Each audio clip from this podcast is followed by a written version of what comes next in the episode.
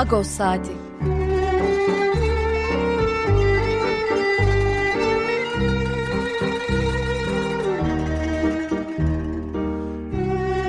Haftalık Agos gazetesinin penceresinden Türkiye ve Dünya gündemi. Agos'un mutfağından haberler, söyleşiler, olaylar.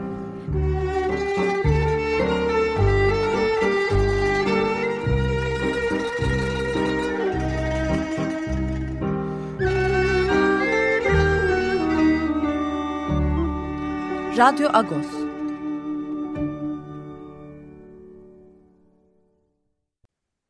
Radyo Agos'tan günaydın. Parlus, ben Yetver Tanzikyan. Bugün 3 Şubat Cumartesi. Yeni bir Radyo Agos'ta karşınızdayız. Çok bilinen bir ezgiyle başladık. E, Gomidas Fartabed'in bir ezgisi. Yergink'in Ambele, Gökyüzü Bulutlu. E, Gomidas Kuartet e, icra etti e, bu ezgiyi. E, vesilemizle e, Gomidas UNESCO'nun e, Dünya Mirası listesine e, kaydedildi geçen hafta. E, dolayısıyla biz de bunu fırsat bildik hemen hem bir Gomidas ezgisi daha çalalım dedik. UNESCO'nun böyle bir uygulaması var. Bu değerleri, dünyanın değerlerini Dünya Mirası listesine kaydediyor ve e, bunları bir kayıt altına alıyor. E, zaten e, hemen şunu da ekledi bu haberi veren e, Ermenistan'daki e, haber kaynakları daha önce e, Mesrop Maden Ataran el yazması eserlerinin eski el yazmaları koleksiyonu gökbilimci Benjamin Margarya'nın galaksileri üzerine çalışması ve e, büyük besteci Aram Haçaturya'nın el yazı notları daha önce e, UNESCO'nun Dünya Mirası listesine eklenmiş. Böylece Gomidas'la beraber e, böyle bir e, dördüncü Ermeni toplumunun, Ermeni kültürünün e, bir üründe eklenmiş oldu. Evet, Bugün e, Radyo Agos'ta e, akşamız birazdan Pagades Sükkan'da haftalık olan sohbetimizi yapacağız. İkinci bölümde yazarımız Dora Baytar Antakyalı ve Antakya'da e, bu hafta e, çarpıcı bir yazı yazmıştı. Birinci yıl dönümü e, 6 Şubat depremlerinin. E, ne oldu bir yılda onu konuşacağız. Son bölümde de e, Paris Ermenice Paris Ermenice Edebiyat Köşemiz e, zamanı bu hafta. Tamar Gürcüyen'le Tılgadan, Tılgadın Tİ konuşacağız. 1860'larda doğmuş, 1860'da doğmuş ve 1900'lerin başlarında ürün vermiş önemli bir yazar. Ee, evet, günaydın Pakrat abi, Parlus. Parlus Yetvat, günaydın. Ee, ben yine bir kayıp haberiyle başlayacağım. Ee, bu yıl biraz zor geçiyor senin açından, bizim açımızdan, hepimizin açısından. eşimin e, teyzesini kaybettik, e, Nesrin Tunç Bileki. E, dün gece kaybettik. E, bunu burada duyurmamın sebebi e, aslında e, evet kaybolmasının yanı sıra okurlarımız bilirler. E, yaşı yeten okurlarımız. Eskiden İstanbul gazeteleri vardı. Son Saat, Son Havadis gibi. E, bunlar böyle bazen akşam baskısı yaparlardı, bazen günlük baskı yaparlardı. E, Nesin teyze de e, günlük ticaret gazetesinin yayıncısıydı. Dolayısıyla basın camiasının da ve süresiz de basın kartı sahibiydi. Dolayısıyla basın camiasının da bir kaybı aynı zamanda. Buradan e, sevenlerine, e, Nesrin Tuçuplek, Reyhan'ın sevenlerine e, biz ailesiniz ama çok sevenleri vardı. E, buradan başsağlığı biz de dilemiş olalım. E, abi, bu evet. hafta bu haftaki gündemimizde e, konuşurken e, Mario Levi konuşmadan olmaz dedik. Mario Levi'yi de kaybettik çünkü. E, büyük, kayıp, büyük bir kayıp. Orada sözü sana bırakayım istersen. E, Mario Levi evet e, Türkiye'de e, edebiyatta önemli katkıları olmuş bir isimdi. Aynı zamanda da bir tarih araştırmacısıydı. E, ben onu özellikle o yönüyle daha e, önemli görüyorum. Çünkü bilmediğimiz e, konular aydınlattı. Biz o konuları gazetemizde de geçmişte e, genişçe işledik. Bunlardan birisi hatırladığım kadarıyla e, Franz Werfel'in kitabının İstanbul'da Ermeniler tarafından yakılması eylemiydi. Öyle bir e, müsamere düzenlenmiş geçmişte. Bunlar e, çoğu zaman utanç verici şeyler olduğu için arkasından konuşulmaz, anılmaz, hatırlanmaz, hatırlanmak istenmez ama e, çok da anlamlı e, bilgilerdir bunlar e, o bilgileri bir belge olarak e, tarihten bulup önümüze koyması anlamında Mario Levi çok değerli iş yaptı. E, onun sayesinde biz Ermeni toplumunun biraz da o dönemin Türkiye'de esen faşist e, rüzgarların etkisiyle buna mecbur da kaldığını da varsayabiliriz. E, bir müşamere düzenliyorlar. Bayraklı bayraklı falan bir e, gösteri yapıyorlar. Mıhitaryan Okulu'nun bahçesinde ve törenle e, ma, e, şeyi Franz Werfer'in Musa Dağı'da 40 Gün adlı eserini yakıyorlar. Tabii o zaman o esere kibrit çakanlar yıllar sonra Ragıp Zarakoğlu ve Ayşenur Zarakoğlu'nun o kitabı e, Türkçe okuyan okura kazandıracağını akıllarına bile getirmemişlerdir. E, belki de o yıllarda kimsenin haberinin olmadığı bir e, mevzuydu bu. E, bununla bir şekilde hükümete, günün hükümetine yaranmaya çalışmışlar diyelim. Bir diğeri ise e, Türkiye'li iki resmi görevlinin e, biri emniyetten, biri silahlı kuvvetlerinden Almanya'ya gidip e, Nazi Almanyası döneminde insan yakmak üzere tasarlanan fırınları etüt etmesi ve o fırınlardan iki tanesini alıp İstanbul'a getirmeleri. İstanbul'da da Fener'de e, bunlardan birisinin en azından faal hale getirildiği yani kullanıma hazır hale getirildiğine dair haberdi. Bu da çok çarpıcıydı.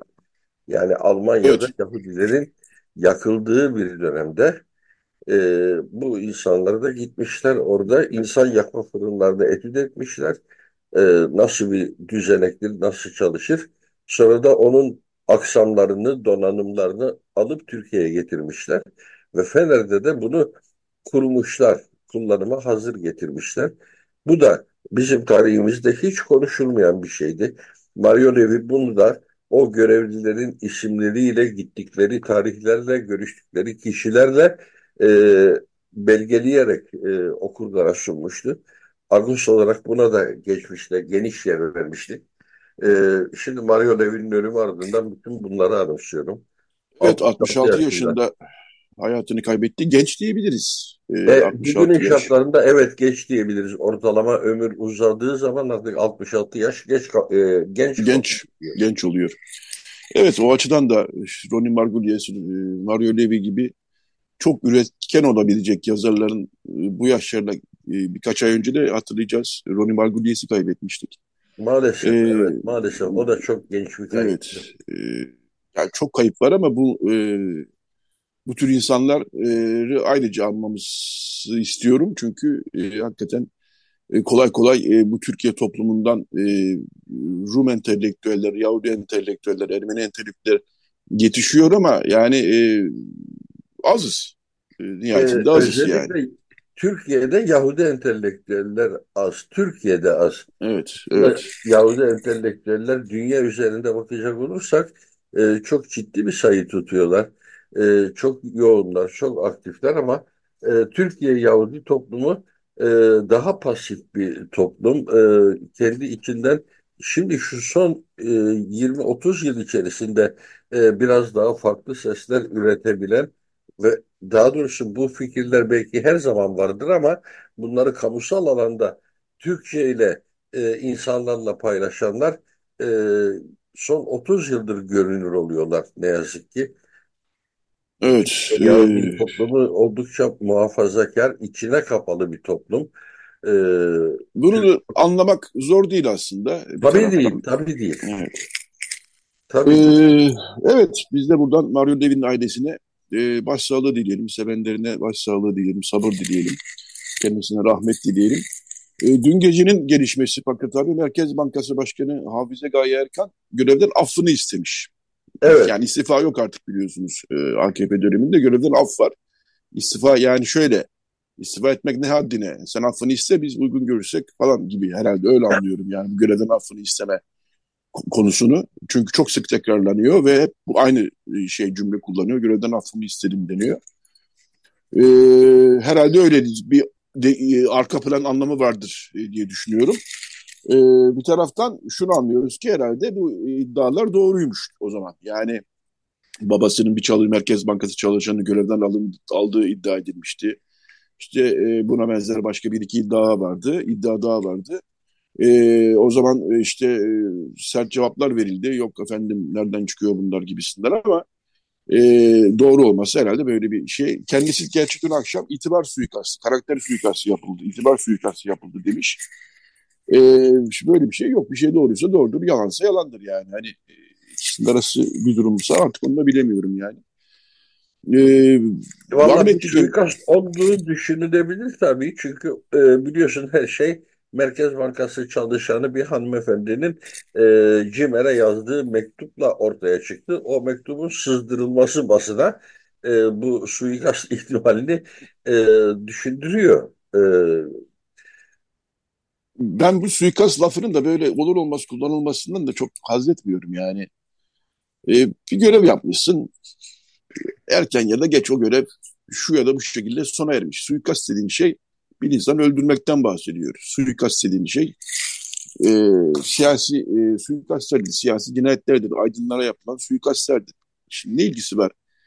E, babanız e, Merkez Bankası Başkanı'nda bir işler karıştırdı. Doğru ya da yanlış biz hala bilmiyoruz. Ama doğru oldu anlaşılıyor herhalde istifa edildiğine göre.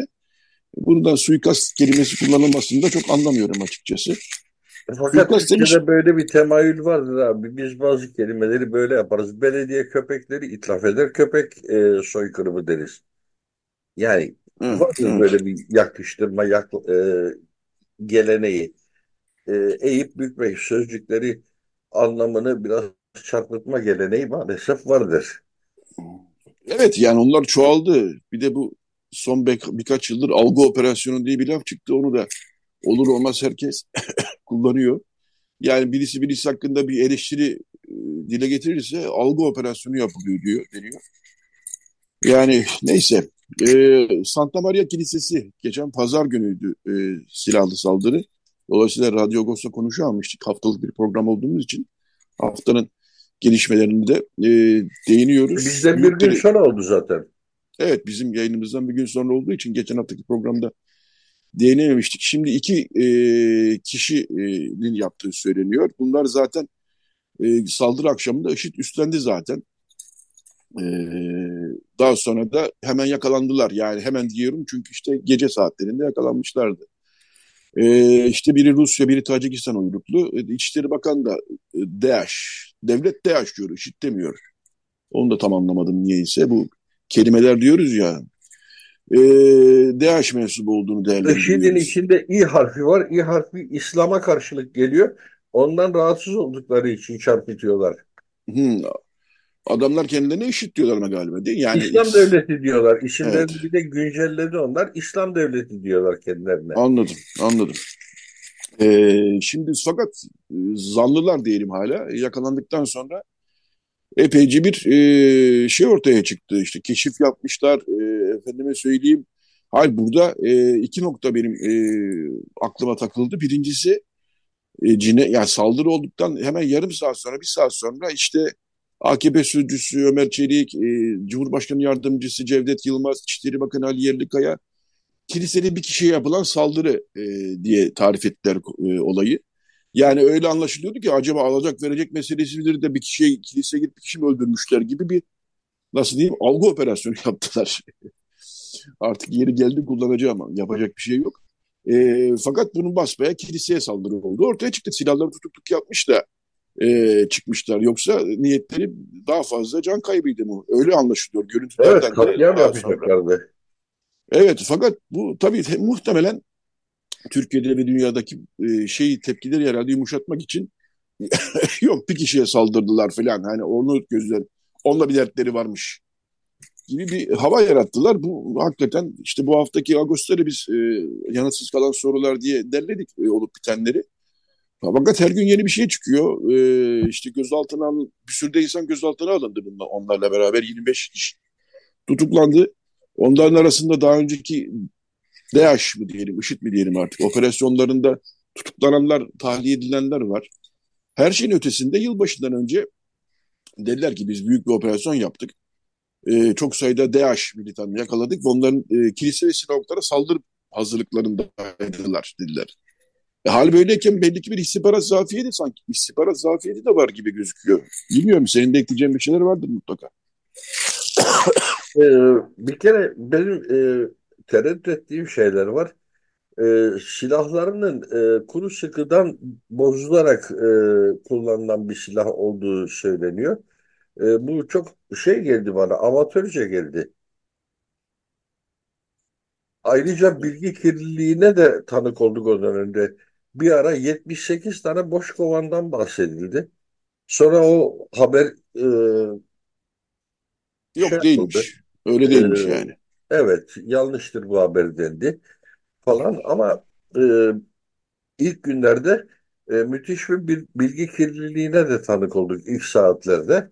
Sonrasındaki durumsa beni şaşırtan zaten polisin birçok yeri eliyle koymuş gibi bilerek baskın yaptığı, insanları e, topladığı, belki de o esnada yaptığı soruşturmada da e, bu zanlılara da kolayca ulaştığı meselesi oldu. Bunlar da hemen hazırlık yapmışlar. Sakallarını falan kesmişler zaten.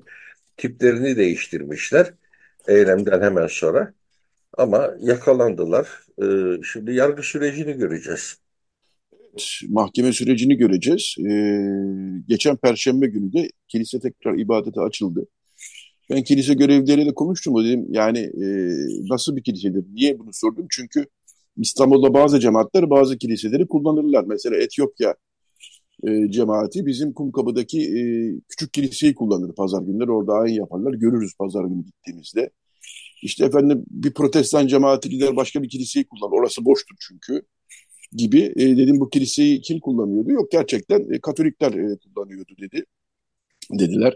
Yani İtalyan ağırlıklı ama daha çok Türkiye'de e, expat diyorlar. Yani Türkiye'de görev yapan yabancılar, e, işte diplomatlar, şirketlerde. Onlar kullanıyorlardı e, ağırlıklı olarak ve her pazar günü de ayin olurmuş. Yani öyle ayda yılda bir açılan bir kilise değilmiş. E, ve kalabalıkta olurmuş. E, Polonya Başkonsolosu'nun orada olması ise tesadüf deniyor. Fakat şunu da anlayamadık yani Polonya Başkonsolosu oradaysa şoförü ve korumasında kapıda olması icap eder. Onlar da yok.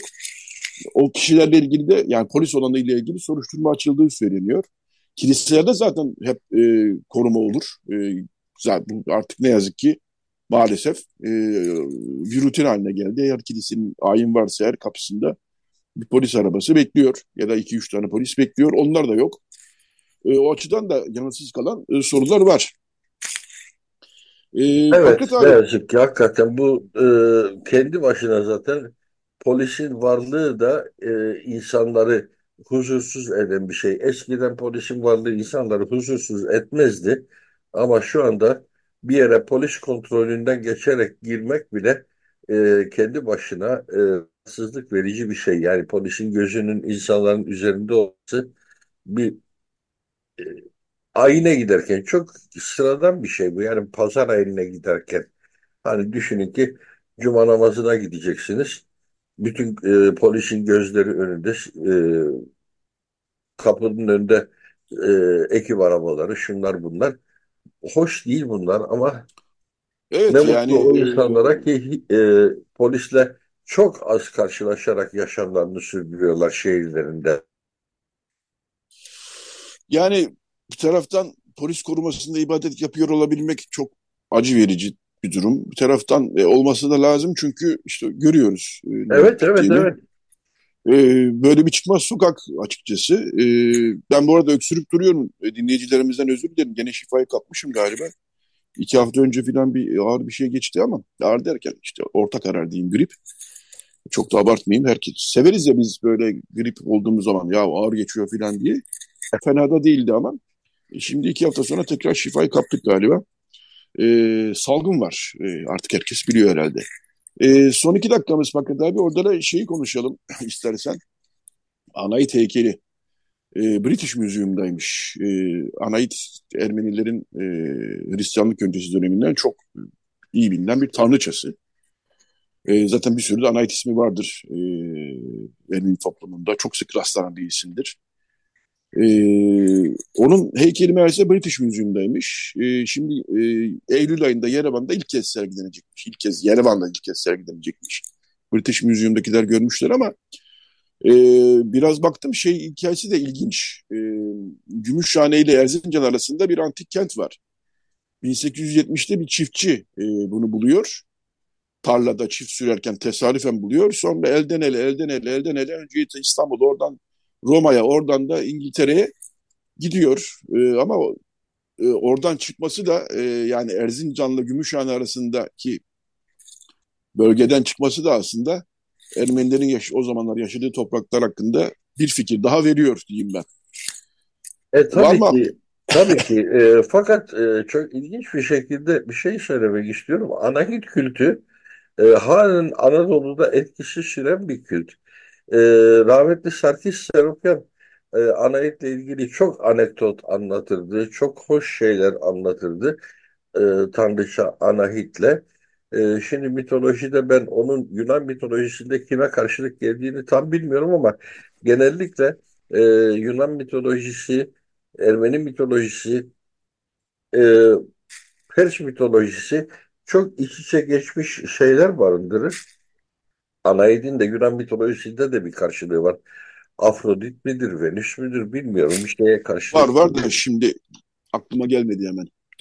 Ee, evet yani şey e, kısmı da çok e, hoşuma gidiyor benim. E, bu Hristiyanlık öncesi dönemden işte e, şeyleri e, isimleri bizim sık olarak kullanmamız yani aslında yani o dönemi de e, şey yaşatmamız yani işte e,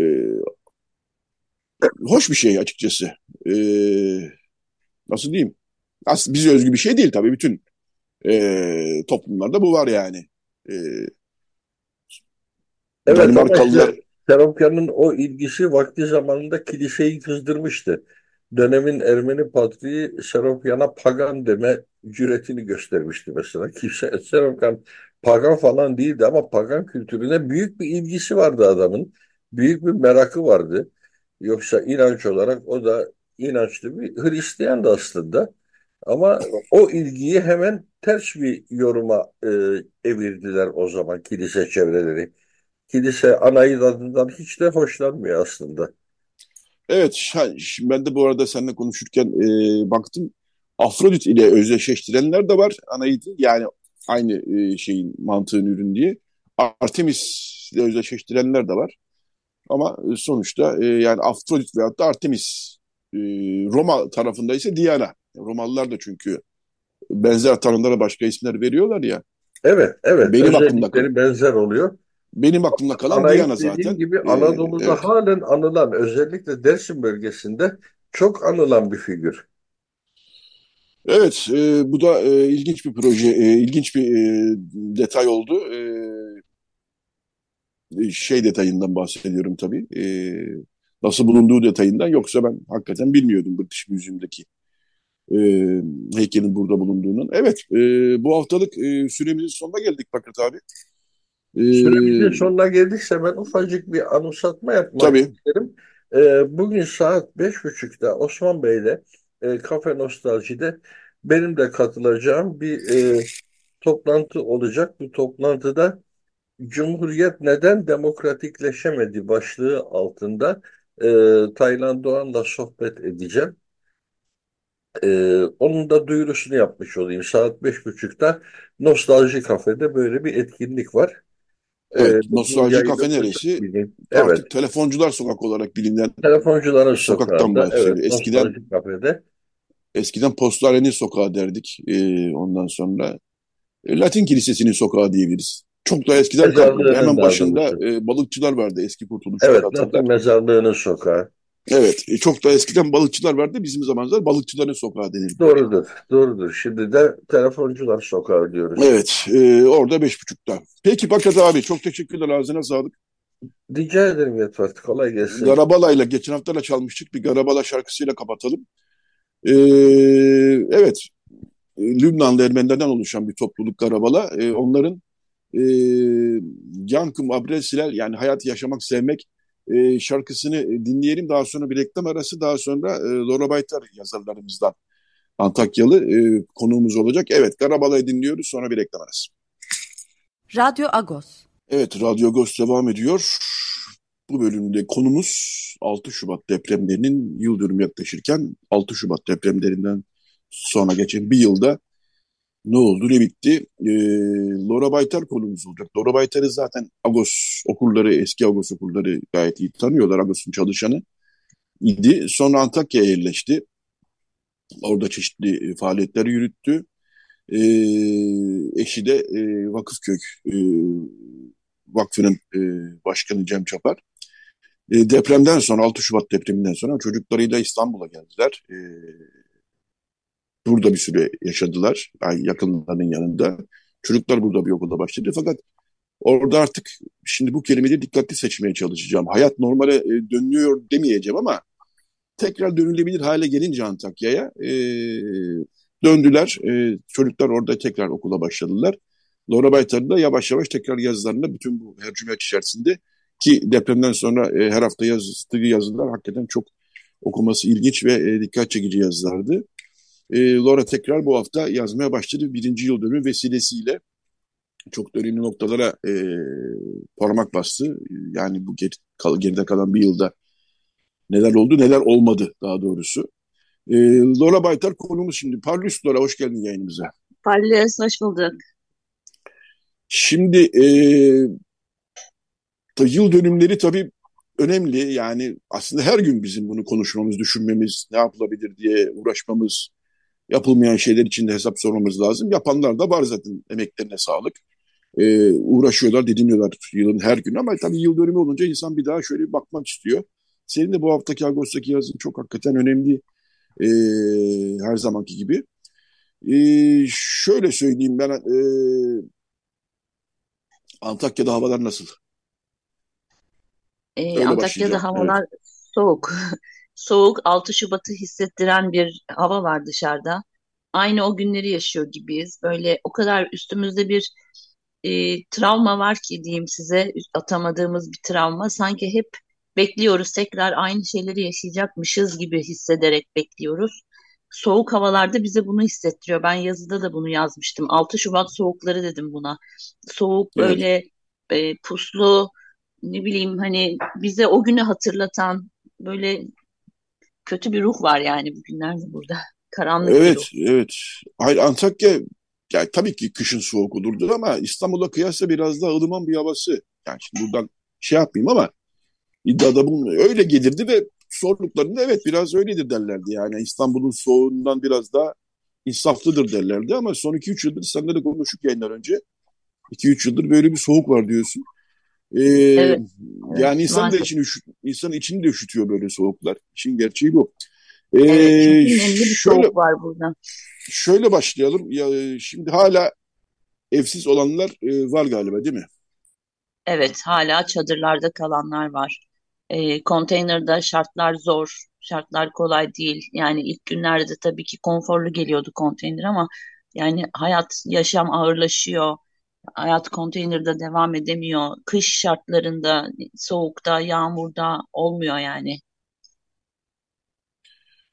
Ee, şimdi peki genel itibariyle şimdi yerlerde bir konutlar mı yapılacak? Onlar onları mı bekliyorlar? Çadırda da kalanlar neyi bekliyorlar? Konteynerde de kalanlar neyi bekliyorlar?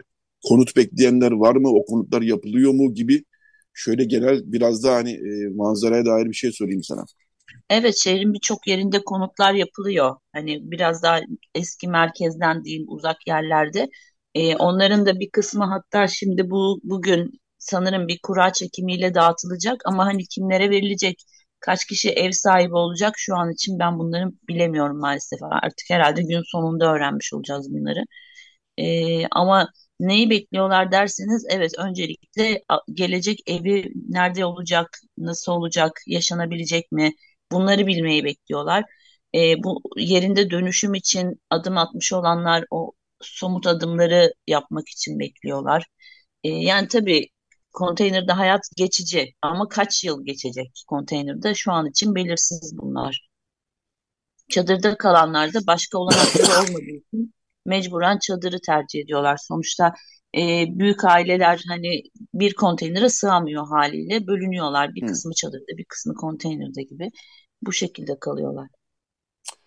Evet yani bu da bir şey e, sorun açıkçası. E, yazın e, su sorunu vardı. Çok sık e, okuduk bunu. Yani içecek su, e, kullanılma Evet. kullanma suyu ikisi birden. O sorun çözüldü mü bir aşamada? Ee, yani bir, aş- bir, bir çeşit çözüldü belki. Şimdi en azından elektrik sorunumuz o kadar fazla ki suyu görmüyoruz herhalde. Hmm. Yani su, gerçi benim yaşadığım yerde su sorunu yoktu. Ben hep elektrikle mücadele verdim. Ama su sorunu vardı. Şimdilerde su pek konuşulmuyor. Ee, ama elektrik sorun. Altyapıdaki sorunlar çözülmeye çalışılıyor. Zaman zaman işte tüm gün süren kesintilerle altyapılar yapılmaya çalışılıyor. İnternet tabii bu anlamda, Evet, telefon hani hep birbirine evet. bağlı bunlar. Sana ulaşmak bile acaba ulaşabilir miyiz diye bizde bir soru işareti yaratmıştı seni aramadan önce. E, Evet ama elektrik dönem olmayınca dönem. Bir gün evet varsa dönem bir dönem. gün, iki gün yok gibiyiz böyle. Hmm. Böyle geçiyor zaman. Elektrik olmayınca tabii ısınma da çok zor. E, her şey zor yani. E, Evet, o da ayrı bir aynen öyle. Genelde E, çünkü klimayla ısınılan bir yer burası. Klima ya da e, sobalar falan bu şekilde ısınılıyor. Hani hmm, doğalgaz olan yerler, şehrin doğalgaz altyapısının olduğu yerler artık yok. Yani hmm. o doğalgazlı evler tamamen yıkıldığı için şu anda ısınma da ciddi problem. Zaten konteynerler klimalarla ısınıyor. Elektrik olmayınca klima çalışmıyor. Konteyner dediğiniz şey incecik bir şey. Ee, kapat, klimayı kapattığınız an içeri buz gibi. Soğuğu aynen içeri yansıtan, sıcağı da aynen içeri yansıtan bir yapısı var Evet, konteynerin evet, zaten. aynen Yani öyle. sıcakta da oturulmaz içeride yani. Yani Evet. şöyle çok çabuk ısınıyor. Hemen ısınıyor. Klima açıldığı anda içerisi hemen sıcacık oluyor. Ama klima Hmm, kapandığı anda içerisi hemen buz gibi oluyor. evet. Ee, eski Antakya'yı korumak, hafızayı en azından korumak e, için insanlar bir yıldır didiniyorlar. Yani bunu tabii konuşuyoruz. Kahramanmaraş'ta da büyük bir yıkım oldu. Malatya'da da oldu, Adıyaman'da da oldu. Bunları tabii ki unutuyor ya da gözden kaçırıyor değiliz ama Antakya tabii çok e, özel bir kent olduğu için biraz oraya e, biz biraz daha dikkat kesiliyoruz. İşin gerçeği bu. E, ama asıl yıkım tabii Kahramanmaraş'taydı. Yani orada yeri gelmişken e, canını kaybeden, e, hayatını kaybeden herkese rahmet dileyelim, yakınlara sabır dileyelim. Hala yaralılar belki de vardır, hala tedavi görenler vardır. Onlara da acil şifalar dileyelim. Çünkü kolay bir iş değil gerçekten. Yani oradan e, çıkmak da, enkazdan çıkmak da kolay bir iş değil. Kimsenin başına gelmesin. E, onu buradan unutmadan e, çünkü canlı yayın koşturmacası içerisinde şunu da konuşalım, bunu da konuşalım derken böyle en hayati şeyleri bazen yayın bitiyor, ha konuşmadık diyoruz. E, Laura e, şunu da sorayım sana. E, ha şeye girmiştik, eski Antakya'ya girmiştik, konusuna girmiştik. Daldan dala atlıyormuş gibi olmasın ama eski Antakya yani e, merkezdeki Antakya artık yok diyor herkes. Yani ne caddeleri tanıyabiliyorsunuz ne binaları tanı hiçbir şey tanıyamıyorsunuz diyorlar. Peki e, orasıyla ilgili bir şey var mı bir plan? Yani bu binaları aynen yapalım, hiçbir şey yapmayalım, dümdüz edelim, bambaşka burada artık yerleşim olmasın veyahut da ne bileyim yapalım ama şöyle bir şey var mı? Elle gelir bir tasarruf filan fikir. Şöyle birçok dernek kuruldu, birçok işte sivil toplum şeyi kuruldu. Hani bir şeyler yapılmaya çalışılıyor ama ortakta ne yapılacağını hani şu an için bilmiyoruz. Ee, orası kalacak mı, aynısı mı yapılacak yoksa rezerv alanları ilan edildi mesela. Evet. Ee, belirli alanlar işte şey altına alındı, çember altına alındı. Oralar artık nasıl bir dönüşümle bize geri gelecek onu bilmiyoruz hiçbir şekilde. Ama umarız Umarız yani geleceğe kalabilecek bir şehir yapılır. Hani idareten yapılırsa gerçekten yine bu şehir bir kere daha e, yıkılıp bir kere daha hep söylüyoruz ya yedi kere yıkılmış bu sekizinci yıkılışı diye artık yıkılmasın. Artık kalıcı bir şehir olsun istiyoruz yani.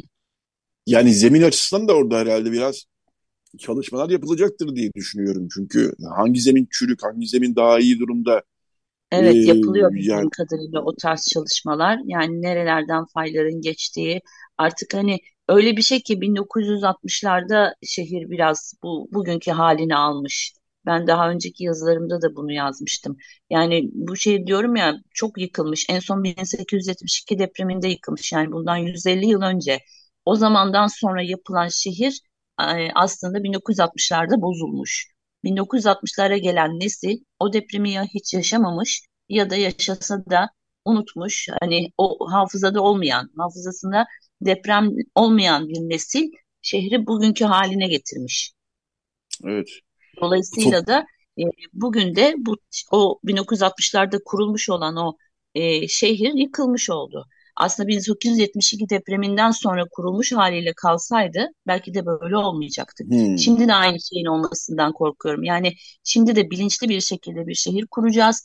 Ama bu depremler hani 100 yıl sonra, 150 evet. yıl sonra bir sonra bizden sonrakiler hiç depremi yaşamamış olan kişiler gelip hani bozabilirler bu yaptıklarımızı. Zaten bu toprakların genel sorunu bu. Çok unutuyoruz. Hiç hatırlamak istemiyoruz. Yani bir şey başımızdan geçtikten sonra tamam oldu bitti e, havası var ama yani bu tip şeylerde hakikaten geriye dönüp dönüp dönüp dönüp bakmamız ve oradan dersler çıkarıp nasıl bir gelecek inşa edeceğimizi düşünmemiz lazım. E, millet ayrımı yapmadan söylüyorum. Bu topraklardaki bütün halklarda böyle bir unutkanlık e, var. İşin gerçeği bu. Yani bana öyle geliyor daha doğrusu. Bir arkadaşımın bir paylaşımı vardı. Çok hoşuma gitti onu söylemek isterim. Ee, başkasının başına gelen acıları sanki hiç kendi başımıza gelmeyecekmiş gibi okuyoruz. Evet, ee, öyle evet. dinliyoruz, öyle acıyoruz, sonra geçiyoruz. Yani bu aslında böyle değil hayat. Evet. E, bu haftaki yazından gene bir e, soru soracağım sana. E, bütün bu süreçte kendi başımızın çaresine bakmayı da öğrendik. Çünkü usta sorunu da var buralarda diyorsun. Usta yok galiba değil mi? Yani evinizde bir şey usta yapmanız var, lazım. E, usta var, ama yetişemiyorlar. Yet, bulamıyorsunuz. Bulsanız çok yüksek paralara yani şey yapıyorlar, iş yapıyorlar. Yani yet, bulamıyorsunuz zaten. Kap, kapanın elinde kalıyor derler ya. Öyle bir durum var ortada. Evet. Saatlerce ve günlerce beklersiniz. Hani sabırlı olacaksınız. Burada insana Hı. sabırlı olmak gerekiyor yani. E çünkü her evde bir şey var. Yani, yani evlerin dışında her yerde bir tamirat bir şey, bir şey, bir şey. Evet. Evet, her yerde evet. bir şey olduğu zaman evet hiç kolay bir şey değil gerçekten. Ee, şunu da sorayım sana. Ee, tabii e, pazartesi gece yarısından sonra 6 Şubat dediğimiz yani sabaha karşı 6 Şubat'ın sabaha karşı aynı 99 İstanbul depremi gibi o da 03'tü galiba yanlış hatırlamıyorsam. Evet. E, 6 Şubat'tan kastımız 5 Şubat gece yarısını geçe e, depremin yıl dönümü dediğimiz tarih tam saati bu. E, sanıyorum ama toplantıları da olacak değil mi? Evet evet neredeyse her ilçede diyeyim bir etkinlik var yapılması planlanan. Samandağ'da, Antakya'da, Yayladağ'da e, birçok yerde etkinlikler var. Antakya'da işte köprü başında toplanılacak saat 4.17'de bir yürüyüş yapılacak, sessiz bir yürüyüş. E, sonrasında işte mezarlık ziyaretleri falan birçok bir etkinlik var yapılması planlanan. Ee, birazdan Ermeni toplumu ne yapıyor'a geçeceğim veyahut da e, Ortodoks toplumu ne yapıyor'a geçeceğim. E, ona geçmeden bir soru sorayım. E, İstanbul Büyükşehir Belediye Başkanı adayı AKP'nin e, Murat Kurum ki eski e, bakanlık tecrübesi de var. Evet. E, depremlerden bahsederken 130 bin kayıp verdik dedi. Sonra e, olay olunca bu açıklaması çünkü 55 50 bin veyahut da 55 bin diye biliyoruz. Olay olunca bu açıklaması yok ben Türkiye'deki bütün depremleri kastediyorum tarih boyunca dedi. Bu e, nasıl yankılandı? Yankılandı mı Antakya'da? Yani çünkü e, aslında kayıp sayısının daha fazla olacağı tahmin ediliyor zaten. Zaten e, şöyle bir hesap var sosyal medyada Hatay depreminde hayatını kaybedenler diye. E, oraya bütün depremde vefat edenler e, nerede ölmüş herkes paylaşım yapıyor. Hı. Oraya girdiğiniz zaman e, her bir paylaşımın altında aile aile paylaşıldığı için en az 4-5 kişinin ismi hmm. geçiyor. Yani binlerce belki 5000 tane paylaşım var. Hani siz hmm. onu 5 ile 4 ile çarparsanız zaten gerçek rakamları buluyorsunuz. Yani birilerinin bir şeyleri açıklaması gerekmiyor. Görüyoruz etrafımızdaki evet. bu kadar evet. insan. Hani burada biz 300-500 kişi yaşamıyordu yani. Evet, evet, evet. Ki 11 ile etkileyen bir depremden bahsediyoruz. Evet. Peki, e, Şimdi Vakıfköy'de ağır olmasa da bir hasar aldı ama tabii e, merkezdeki Rum Ortodoks toplumu da e, hasar aldı. Kiliseler bilhassa e, hasar aldı. Evet. E, mühim, mühim olan candır diyoruz. Binalar yapılır diyoruz ama e, kiliselerin e, yapılması gerek bizim kiliseler olsun yani senin gözüne çarpan anlamında soruyorum. Gerek bizim Vakıfköy'deki kilise olsun gerek İskenderun'daki kilise olsun Oralarda bir gelişme e, var mı? Veyahut da Ermeni toplumunu da sorayım. Ya, çünkü e, bundan 2-3 ay, 2 ay kadar önce şey çıktı. E, yani bir TOKİ'nin, e, TOKİ evleri değil yani TOKİ'nin e, yapacağı bir evler olacak biraz yakında, Vakıfköy'ün yakınında. E, birçok birçok demeyeyim de bir birkaç ayda oraya taşımayı düşünüyor gibisinden. İki soruyu beraber Hı. sorayım sana. Evet şöyle e, önce kiliseden başlayayım. Evet güzel gelişmeler var. Kilisede restorasyon başladı. E, bu, bu önümüzdeki hafta geçen geçtiğimiz hafta itibariyle çalışmalar yapılıyor. Bir iki ay içinde tamamlanması da planlanıyor. E, güzel bir gelişme bu en azından. Evet. Bir yandan da o evler konusuna gelince e, halka iki seçenek sunuldu. Yerinde dönüşüm ya da hak sahipliği. Yerinde dönüşüm dediğiniz zaman e, kendi arazinizde, kendi evinize bir şekilde ayağa kaldıracaksınız. Size kredi verilecek, hibe verilecek bu şekildeydi.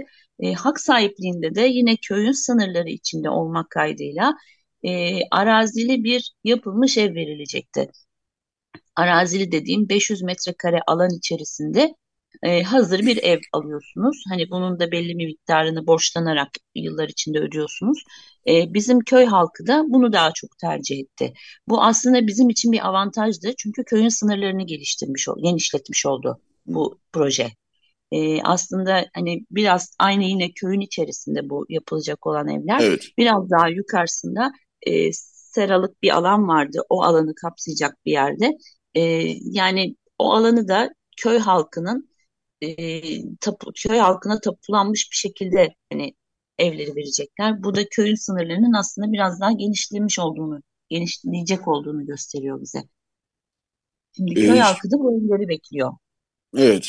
Yani biraz işler yoluna giriyor gibi vakıf köy açısından diyebilir miyiz? Evet. Yani evet. genel olarak e, kaplumbağa hızıyla gitsek de biraz adım adım ilerliyoruz. Hı hı. Hı.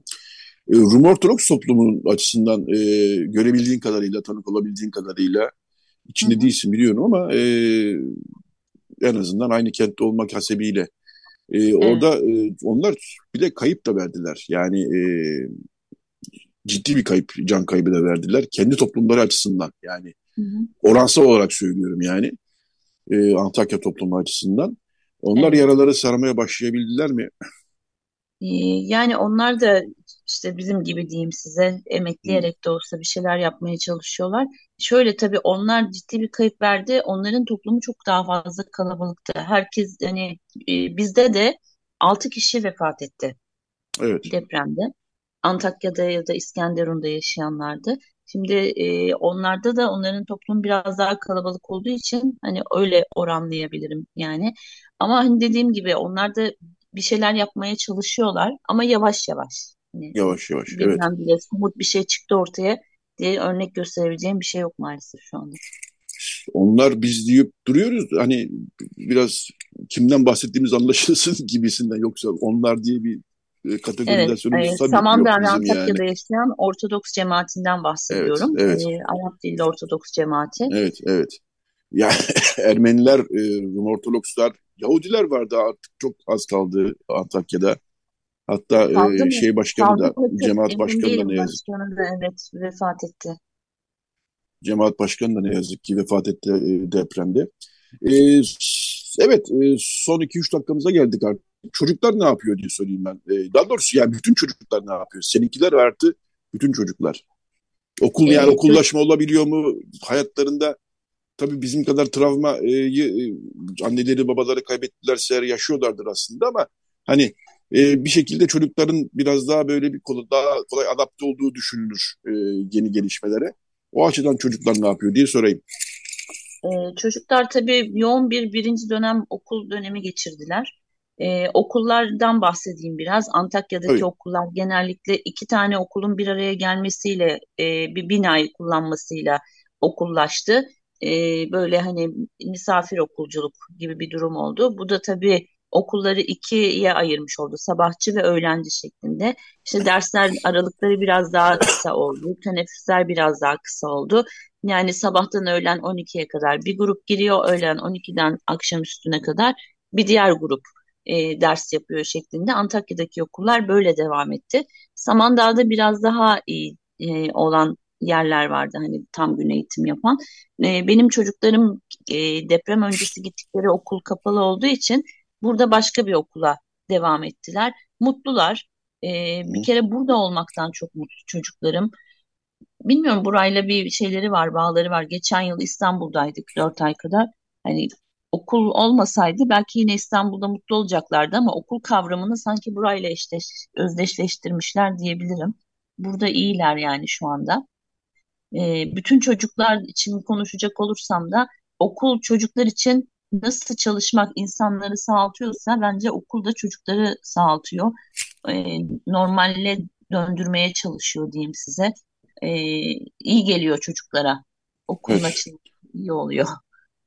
Okul demişken bu haftaki Ağustos'tan çok fazla bahsetmedik. Bu hafta manşetimizde e, yani onu konu edindik zaten birinci bölümde kilise saldırısını ama e, okul demişken onu da nasıl diyeyim e, İstanbul'daki Ermeni okullarındaki öğretmenlerin durumunu da iki haftadır işliyoruz. E, geçen hafta 2 Ağustos'ta e, 7 öğretmenin e, bize yaptığı, Ağustos'a yaptığı açıklamaları vardı. Hem e, maaş, yani mali açıdan çok zorlanıyorlar hem de genel olarak zorlanıyorlar. Bu hafta da e, okullarımızdan birinde öğretmenlik yapan bir kişi, e, öğretmenimiz Nerkin Sayn, içimizdeki ses takma adıyla e, bir yazı yazdı. Kapsamlı tam sayfa oldu yazısı onun ama çok da ilgili okudum, okundu. E, yani meselenin sadece maaş olmadığını çok daha kapsamlı bir bakış açısı gerektiğini Ermeni okullarındaki öğretmenlere.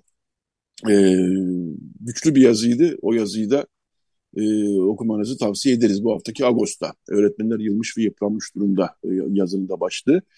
Evet, e, Laura Baytar, e, süremizin de sonuna geldik. E, çok teşekkür ederim. Tekrar geçmiş olsun diyelim. Kolaylıklar diyelim. E, sen de e, ara ara bağlanabiliriz. Çünkü yani bizde bir, şöyle bir şey vardır. Yıl dönümü de konu işlenir, işlenir, işlenir, işlenir. Bir hafta sonra unutulur tekrar yani. Bu konuyu tekrar seninle sık sık işlemek isteriz. Açıkçası sen müsait oldukça. E, senin şahsında bütün e, deprem bölgesine de ama tabii ki sen Antakya'dasın. Antakyalılara da geçmiş olsun ve başınız sağ olsun diyelim buradan. E, evet, teşekkürler Laura Baytar yayına katıldığın için. Ben teşekkür ederim. Çok sağ olun. Görüşmek üzere. Hoşçakalın. Görüşmek üzere. Kolay gelsin. Evet bu bölümü bir e, şarkıyla kapatalım. E, sık sık çalıyoruz. Umarım sıkılmamışsınızdır. Ama çok kadar güzel bir sesi var ki çalmak da istiyoruz. Lilith Pipoyan. E, onun e, Ermenice bir şarkısı Oru Kalise yani e, günler geliyor, geçiyor e, diyebiliriz. E, bu şarkıyı dinleyelim. Daha sonra bir reklam aramız olacak. Daha sonra Radyo Okulu'nun son bölümünde Tamar Gürücan konumuz olacak. Paris Edebiyat Köşesi zamanı bu hafta. Onunla da e, Tılgat İnsi'yi konuşacağız. Yani 1900'lerden bir yazar Harputlu. E, onu tanıtacak Tamar Gürücan ve onun gezi yazılarından bahsedeceğiz biraz. Evet, Dilit Piperan reklam arası Radyo Agos devam edecek. Radyo Agos. Evet, Radyo Agos devam ediyor. Ne dinledik? Leran üçlüsü Silarpi Koca Bağyan, Artak Koca Bağyan ve e, Aslı Koca Bağyan'dan oluşuyor. Ermenistan'da daha çok e, performanslarını icra ediyorlar. E, Cermak Amonik Beyaz Güvercin şarkısını dinledik. Silarpi Koca Bağyan'ın sesinde hakikaten seviyoruz. E, hakikaten güzel bir sesi var. E, sık sık çalarız e, eğer sevdiyseniz. Evet, Radyo Agos neyle devam ediyor? E, Paraysa Kolektif Köşesi zamanı geldi. Ay, her ay ilk cumartesisinde e, Paraysa Kolektif Köşemiz var biliyorsunuz bir zamandır. E, orada da Paraysa Kolektif'in konu edindiği e, biraz Ermenice edebiyat, kavar edebiyatı, yani taşla tam karşılamıyor, taşlardan daha geniş bir şey kavar edebiyatı. Kavar edebiyatı, Ermenice edebiyat konusunda çok çalışmalar yürüten bir kolektif. Paraysa kolektifi bilmeyenler artık kalmamıştır e, Ağustos'ta Radyo Ağustos dinleyiciler arasında diye. Ama yeni açanlar olabilir radyolarını, ilk kez dinleyenler olabilir. Dünyanın dört tarafından e, Ermeni yazar çizer kadınların bir araya gelip oluşturduğu bir kolektif Paraysa kolektifi ve biraz da e, Zoom üzerinden, YouTube üzerinden yayınlar, çalışmalar, okumalar, atölyeler yapıyorlar. Paraysa kolektifinden Tamar Gürciyan bu haftaki konumuz. Daha önce röportajlar yaptık. Yazar yazdı Tamar Gürciyan. Berlin'de yaşıyor, mimar kendisi. Bu haftaki yazısı da zaten denk geldi bu haftaki Paresya köşesine. Çünkü Tılga yazdı. Günaydın Tamar Gürciyan. Günaydın. Hoş geldin yayınımıza. Berlin'den ses veriyor Tamar Gürciyan evet. bu arada. hatırlatalım. Ee, evet biz e, geçen ay diyeyim, 3 hafta oldu aslında. E, çünkü Ocak'ta ilk ay hafta yayın yapmadığımız için e, Subtunut'tu yani Kutsal Doğu Şortusuydu. E, cumartesine denk gelmişti. E, ikinci cumartesi yaptık geçen ay e, Ocak özgü olarak. E, Tallinn'de bir geç, bir önceki yılın geride bıraktığımız yılın hem bir bilançosunu da çıkarmıştık. E, şimdi sen e, Tılgadın T'yi yazdın. Tılgadın T e, e, tabii Palestya'nın çerçevesi içerisinde okudunuz, baktınız. Ama benim mesela bildiğim bir yazar değil. Sen de sanıyorum sonra keşfettin değil mi? Nasıl keşfettiğinle başlayalım istersen. Ee, ben Tılgadinsi aslında Kırkör Belediye'nin e, yazdığı bir makaleden keşfettim. İmgeden Kayba. O makalede e, Tarihi Kentler ve Ermeniler e, Harput kitabının editörlüğünü de Richard Havannesyan yapmış. Aras Yayıncılık'ta. E, bu makaleyle keşfettim. Hani oradaki e, orada aslında kavar edebiyatından bahsediyor ve Tılgadinsi'nin ne kadar önemli olduğunu da e, orada gördüm. İlgimi tabii ki gezi yazılarıyla çekti. Hani biraz da hani mimari olarak ilgimi çektiği için hani manastırları yazmış, kiliseleri yazmış. E, Tılgadinsi e, yani daha çok hani bu kitaptan ve e, National Association for Armenian Studies and Research'ün de bir e, sayfası var. E, orada Tılgadinsi'yi anlatmışlar biraz da. Oradan topladığım yani bilgilerle biraz şimdi anlatacağım. Hemen şey sorayım, e, pardon araya giriyorum ama daha önce de konuştuk, e, imreniyorum size. Yani bir yazarı görüyorsunuz, hemen okuyorsunuz. Nereden okuyorsunuz?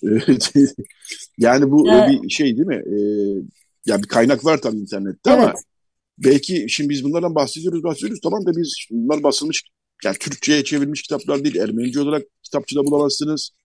Dinleyenler de şunu sorabilirler. Tamam da biz bunları nereden okuyacağız? Biz de okumak istersek diye. Bunun cevabını vermiştik bundan önceki yayınlarda ama yeri gelmişken bir kere daha ben sana sorayım. Şimdi Tılga, Tılga Dinse özelinde şimdi konusu anlatayım. Şimdi Tılga Dinse e, bu gezin yazıları İstanbul'da Masis, Arevek ve Hayrenik kitapların e, şey gazetelerinde Gazeteler. yayınlanıyor. Bu gazeteleri de e, Tert Tert e, Amen'in sitesinde bulabiliyoruz. Yani bu Ermenistan e, National Library'nin e, kütüphanesinin sitesi. Oradan hani tarih verip e, şey hayrenik yazıp işte e, teker teker bakıp bul- bulunabiliyor. Yani ben de bu yazıları Tadem Manastırı, Palu ve yol izlenimlerini e, bu siteden buldum. Onun dışında Tılgadins'in birkaç e, yazısı Wikipedia, Hayren Wikipedia'da da bulunuyor.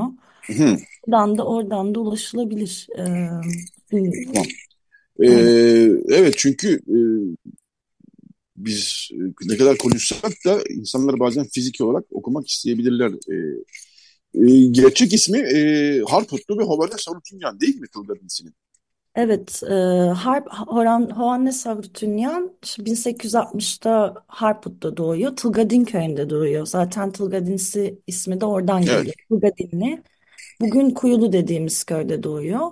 Hı hı. E, biraz hani anlatmaya başlayayım artık. Tabii tabii evet evet. E, e, yani Tılgadin mahlasını kullanıyor ama bir de diğer bir kal- kalem adı da Parnak. E, Harput ke- kentinde eğitim görüyor. Hayatın sonuna kadar da orada yaşıyor. Ve e, bir dönem psikopos sekreterliği görevinde de bulunmuş. O sırada e, tabii Kavar'ı gezmiş ve daha sonrasında da eğitmenlik mesleğini seçiyor. İlk e, Harput'taki Sımpetyan Okulu'nda görev yapıyor. E, ama e, okul müdürü olmasından kısa bir süre sonra bu okul kapatılıyor ve onun yerine 1887'de e, Kırmızı Kolej adıyla da bilinen e, Harpet Getronagan Okulu'nu kuruyor. E, ve oranın müdürlüğünde hayatın sonuna kadar yapıyor. Bu okul çok önemli bir okul. Yani kavar edebiyat açısından da önemli bir okul.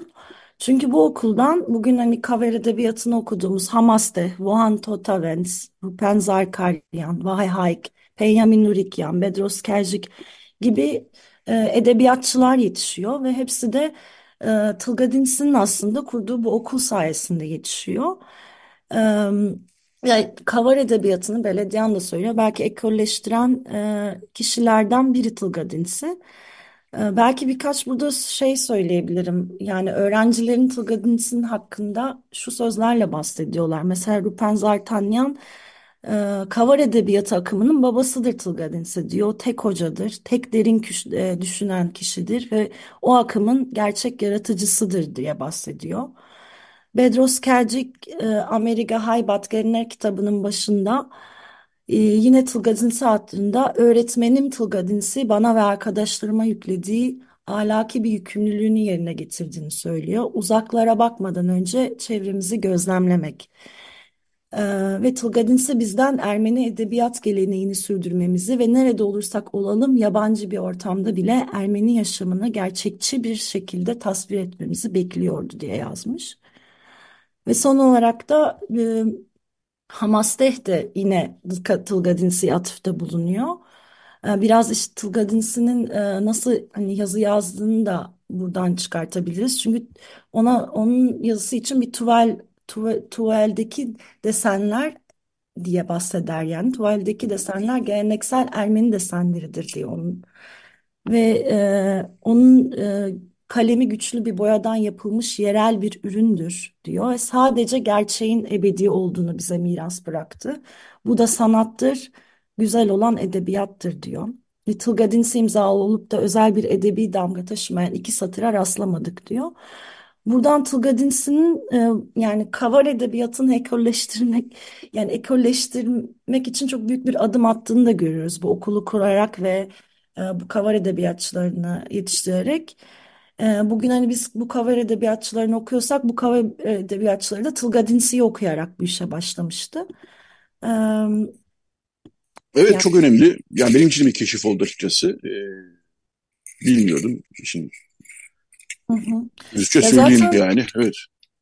ya çok batıda da e, çok batıda okuduğumuz bir yazar değil. Hani şeyi tam olarak bilmiyorum. Ermenistan'da okuluyor mu, Beyrut'ta okunuyor mu ama çok batıda batıda okuduğumuz bildiğimiz bir yazar değil ki yani e, Batı gazetelerinde çıkmış olmasına rağmen Evet. e, ve çok yani ben de yeni yeni şeyler öğreniyorum. Yani Dönüp Evet. dolaşıp yine 19. yüzyılın başın e, sonuna geliyorum.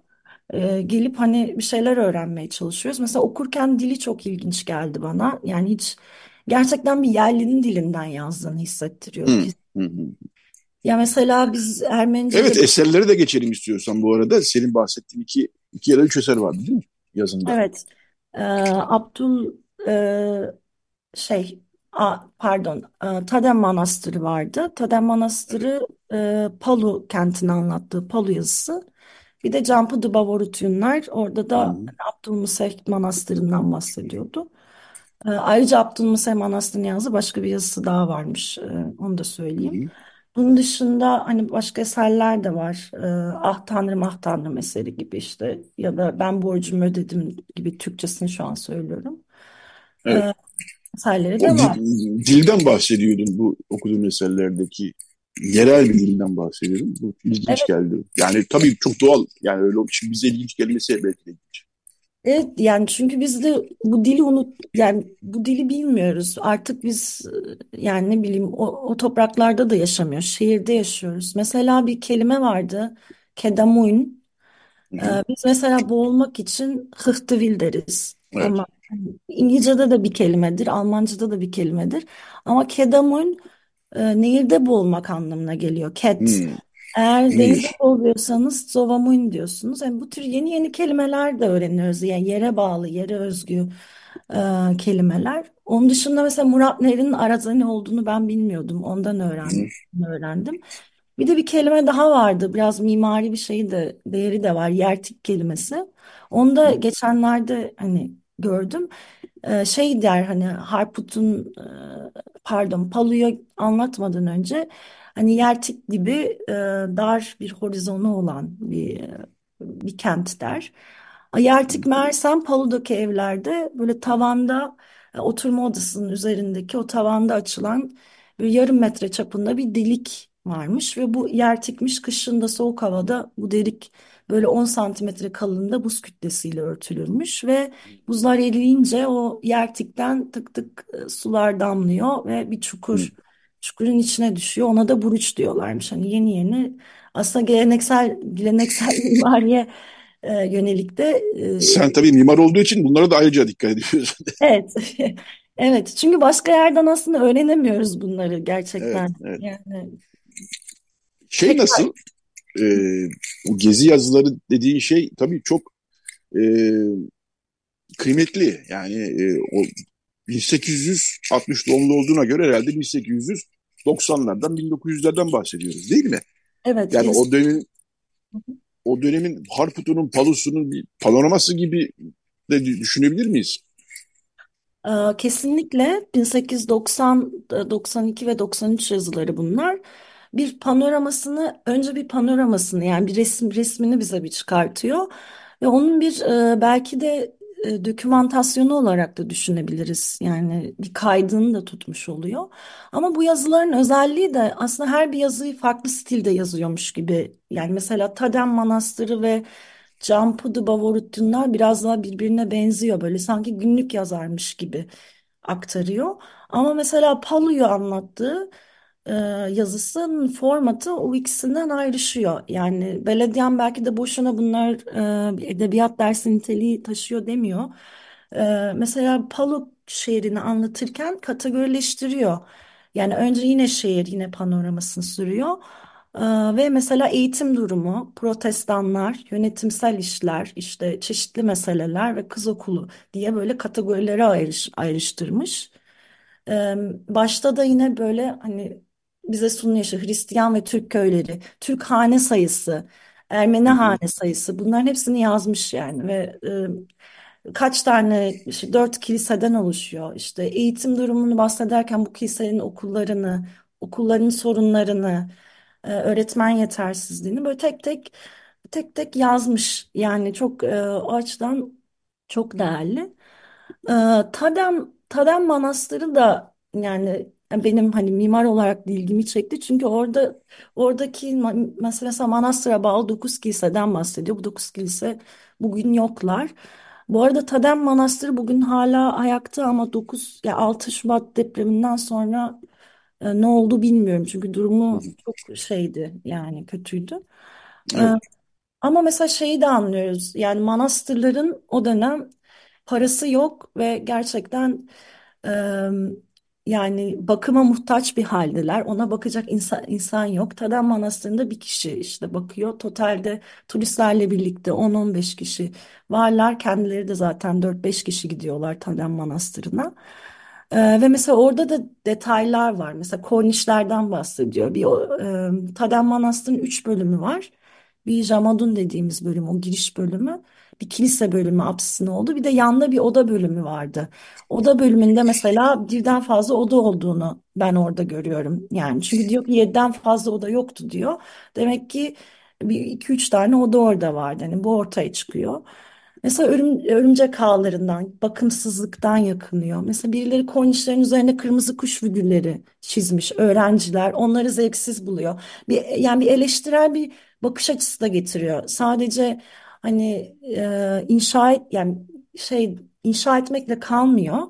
Yani bizim gözümüzde bu bir canlanıyor ama bir eleştirel bir bakış açısı da vererek canlanıyor aynı zamanda. Bir de mesela Tadem Manastırı ile ilgili üzerindeki o kiremitlerden mesela Haygaz Efendi'den bahsediyor. Orada kendi bütçesiyle o kiremitleri yerleştirmiş, yapmış. Hani e, ve o dönem bir susuzluk var. Manastırın ekinleri yetişmiyor. İşte bu, bu, gibi, bu gibi sorunları da bize e, anlatıyor. Yani sanki kaybolacağını Evet. biliyormuşçasına. Hisset, hissetmiş gibi. Hı hı. Tabii bunlar e, bir taraftan da şeyi gösteriyor bize. Önce şunu sorayım. E, nerede yayınlanıyor bunlar? O zamanın e, yerel gazetelerinde mi yayınlanıyor yoksa gene İstanbul'a gönderilen ya da başka yerlere gönderilen mektuplar gibi bunlar?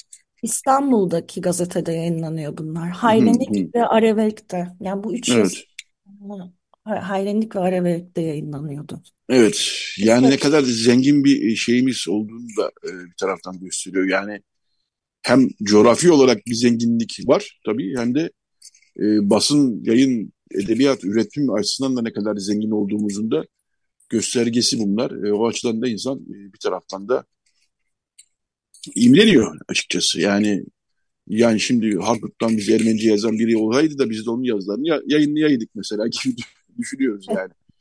Ee, evet, ma- E, maalesef Yani bugün işte bizim biz de yani artık hani ya üret o şekilde üretmiyoruz da yani birazcık Evet, evet. var ola, var olmuş olanın arkeolojisini biraz yapıyoruz burada hani çünkü önce bilmediğimizi yani çünkü bilmiyoruz ve önce bilmediğimizi doldurmamız gerekiyor. Ve Tılgadinsi bize işte bu açıdan öğretmeye devam ediyor. Yani yeni yeni işte dildeki kelimeler, zenginlikler daha hala e, bir boşluğu kapatma e, çabası içerisindeyiz. Yani bu birazcık da delice, delice Evet. ama e, yapmaya devam ediyoruz. Evet.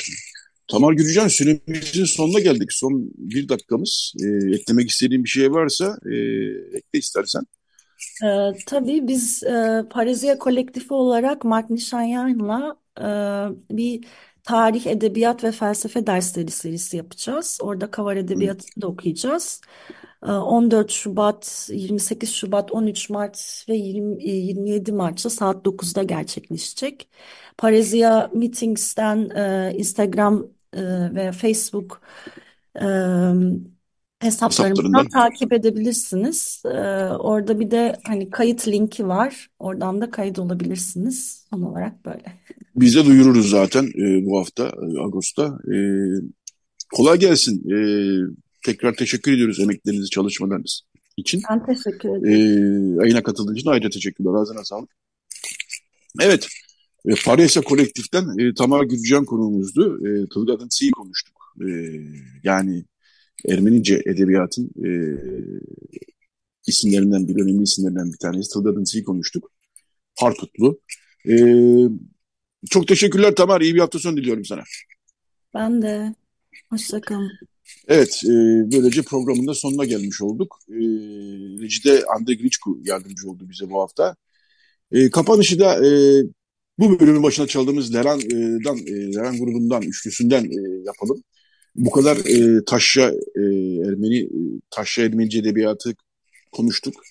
Taşra hayatını konuştuk. İstanbul dışındaki Ermeni toplumunu konuştuk. Dolayısıyla bir e, Muşogorani e, geleneksel bir Ermeni şarkısıdır. E, onu dinleyelim ama bu biraz daha farklı bir versiyonu Muşogorani'nin. Gene Leran'dan dinliyoruz. E, Muşogorani e, bu haftalık Radyo Gosta bu kadar. Haftaya yeni bir Radyo Gosta buluşmak üzere diyoruz. Ve herkese bir hafta sonu diliyoruz.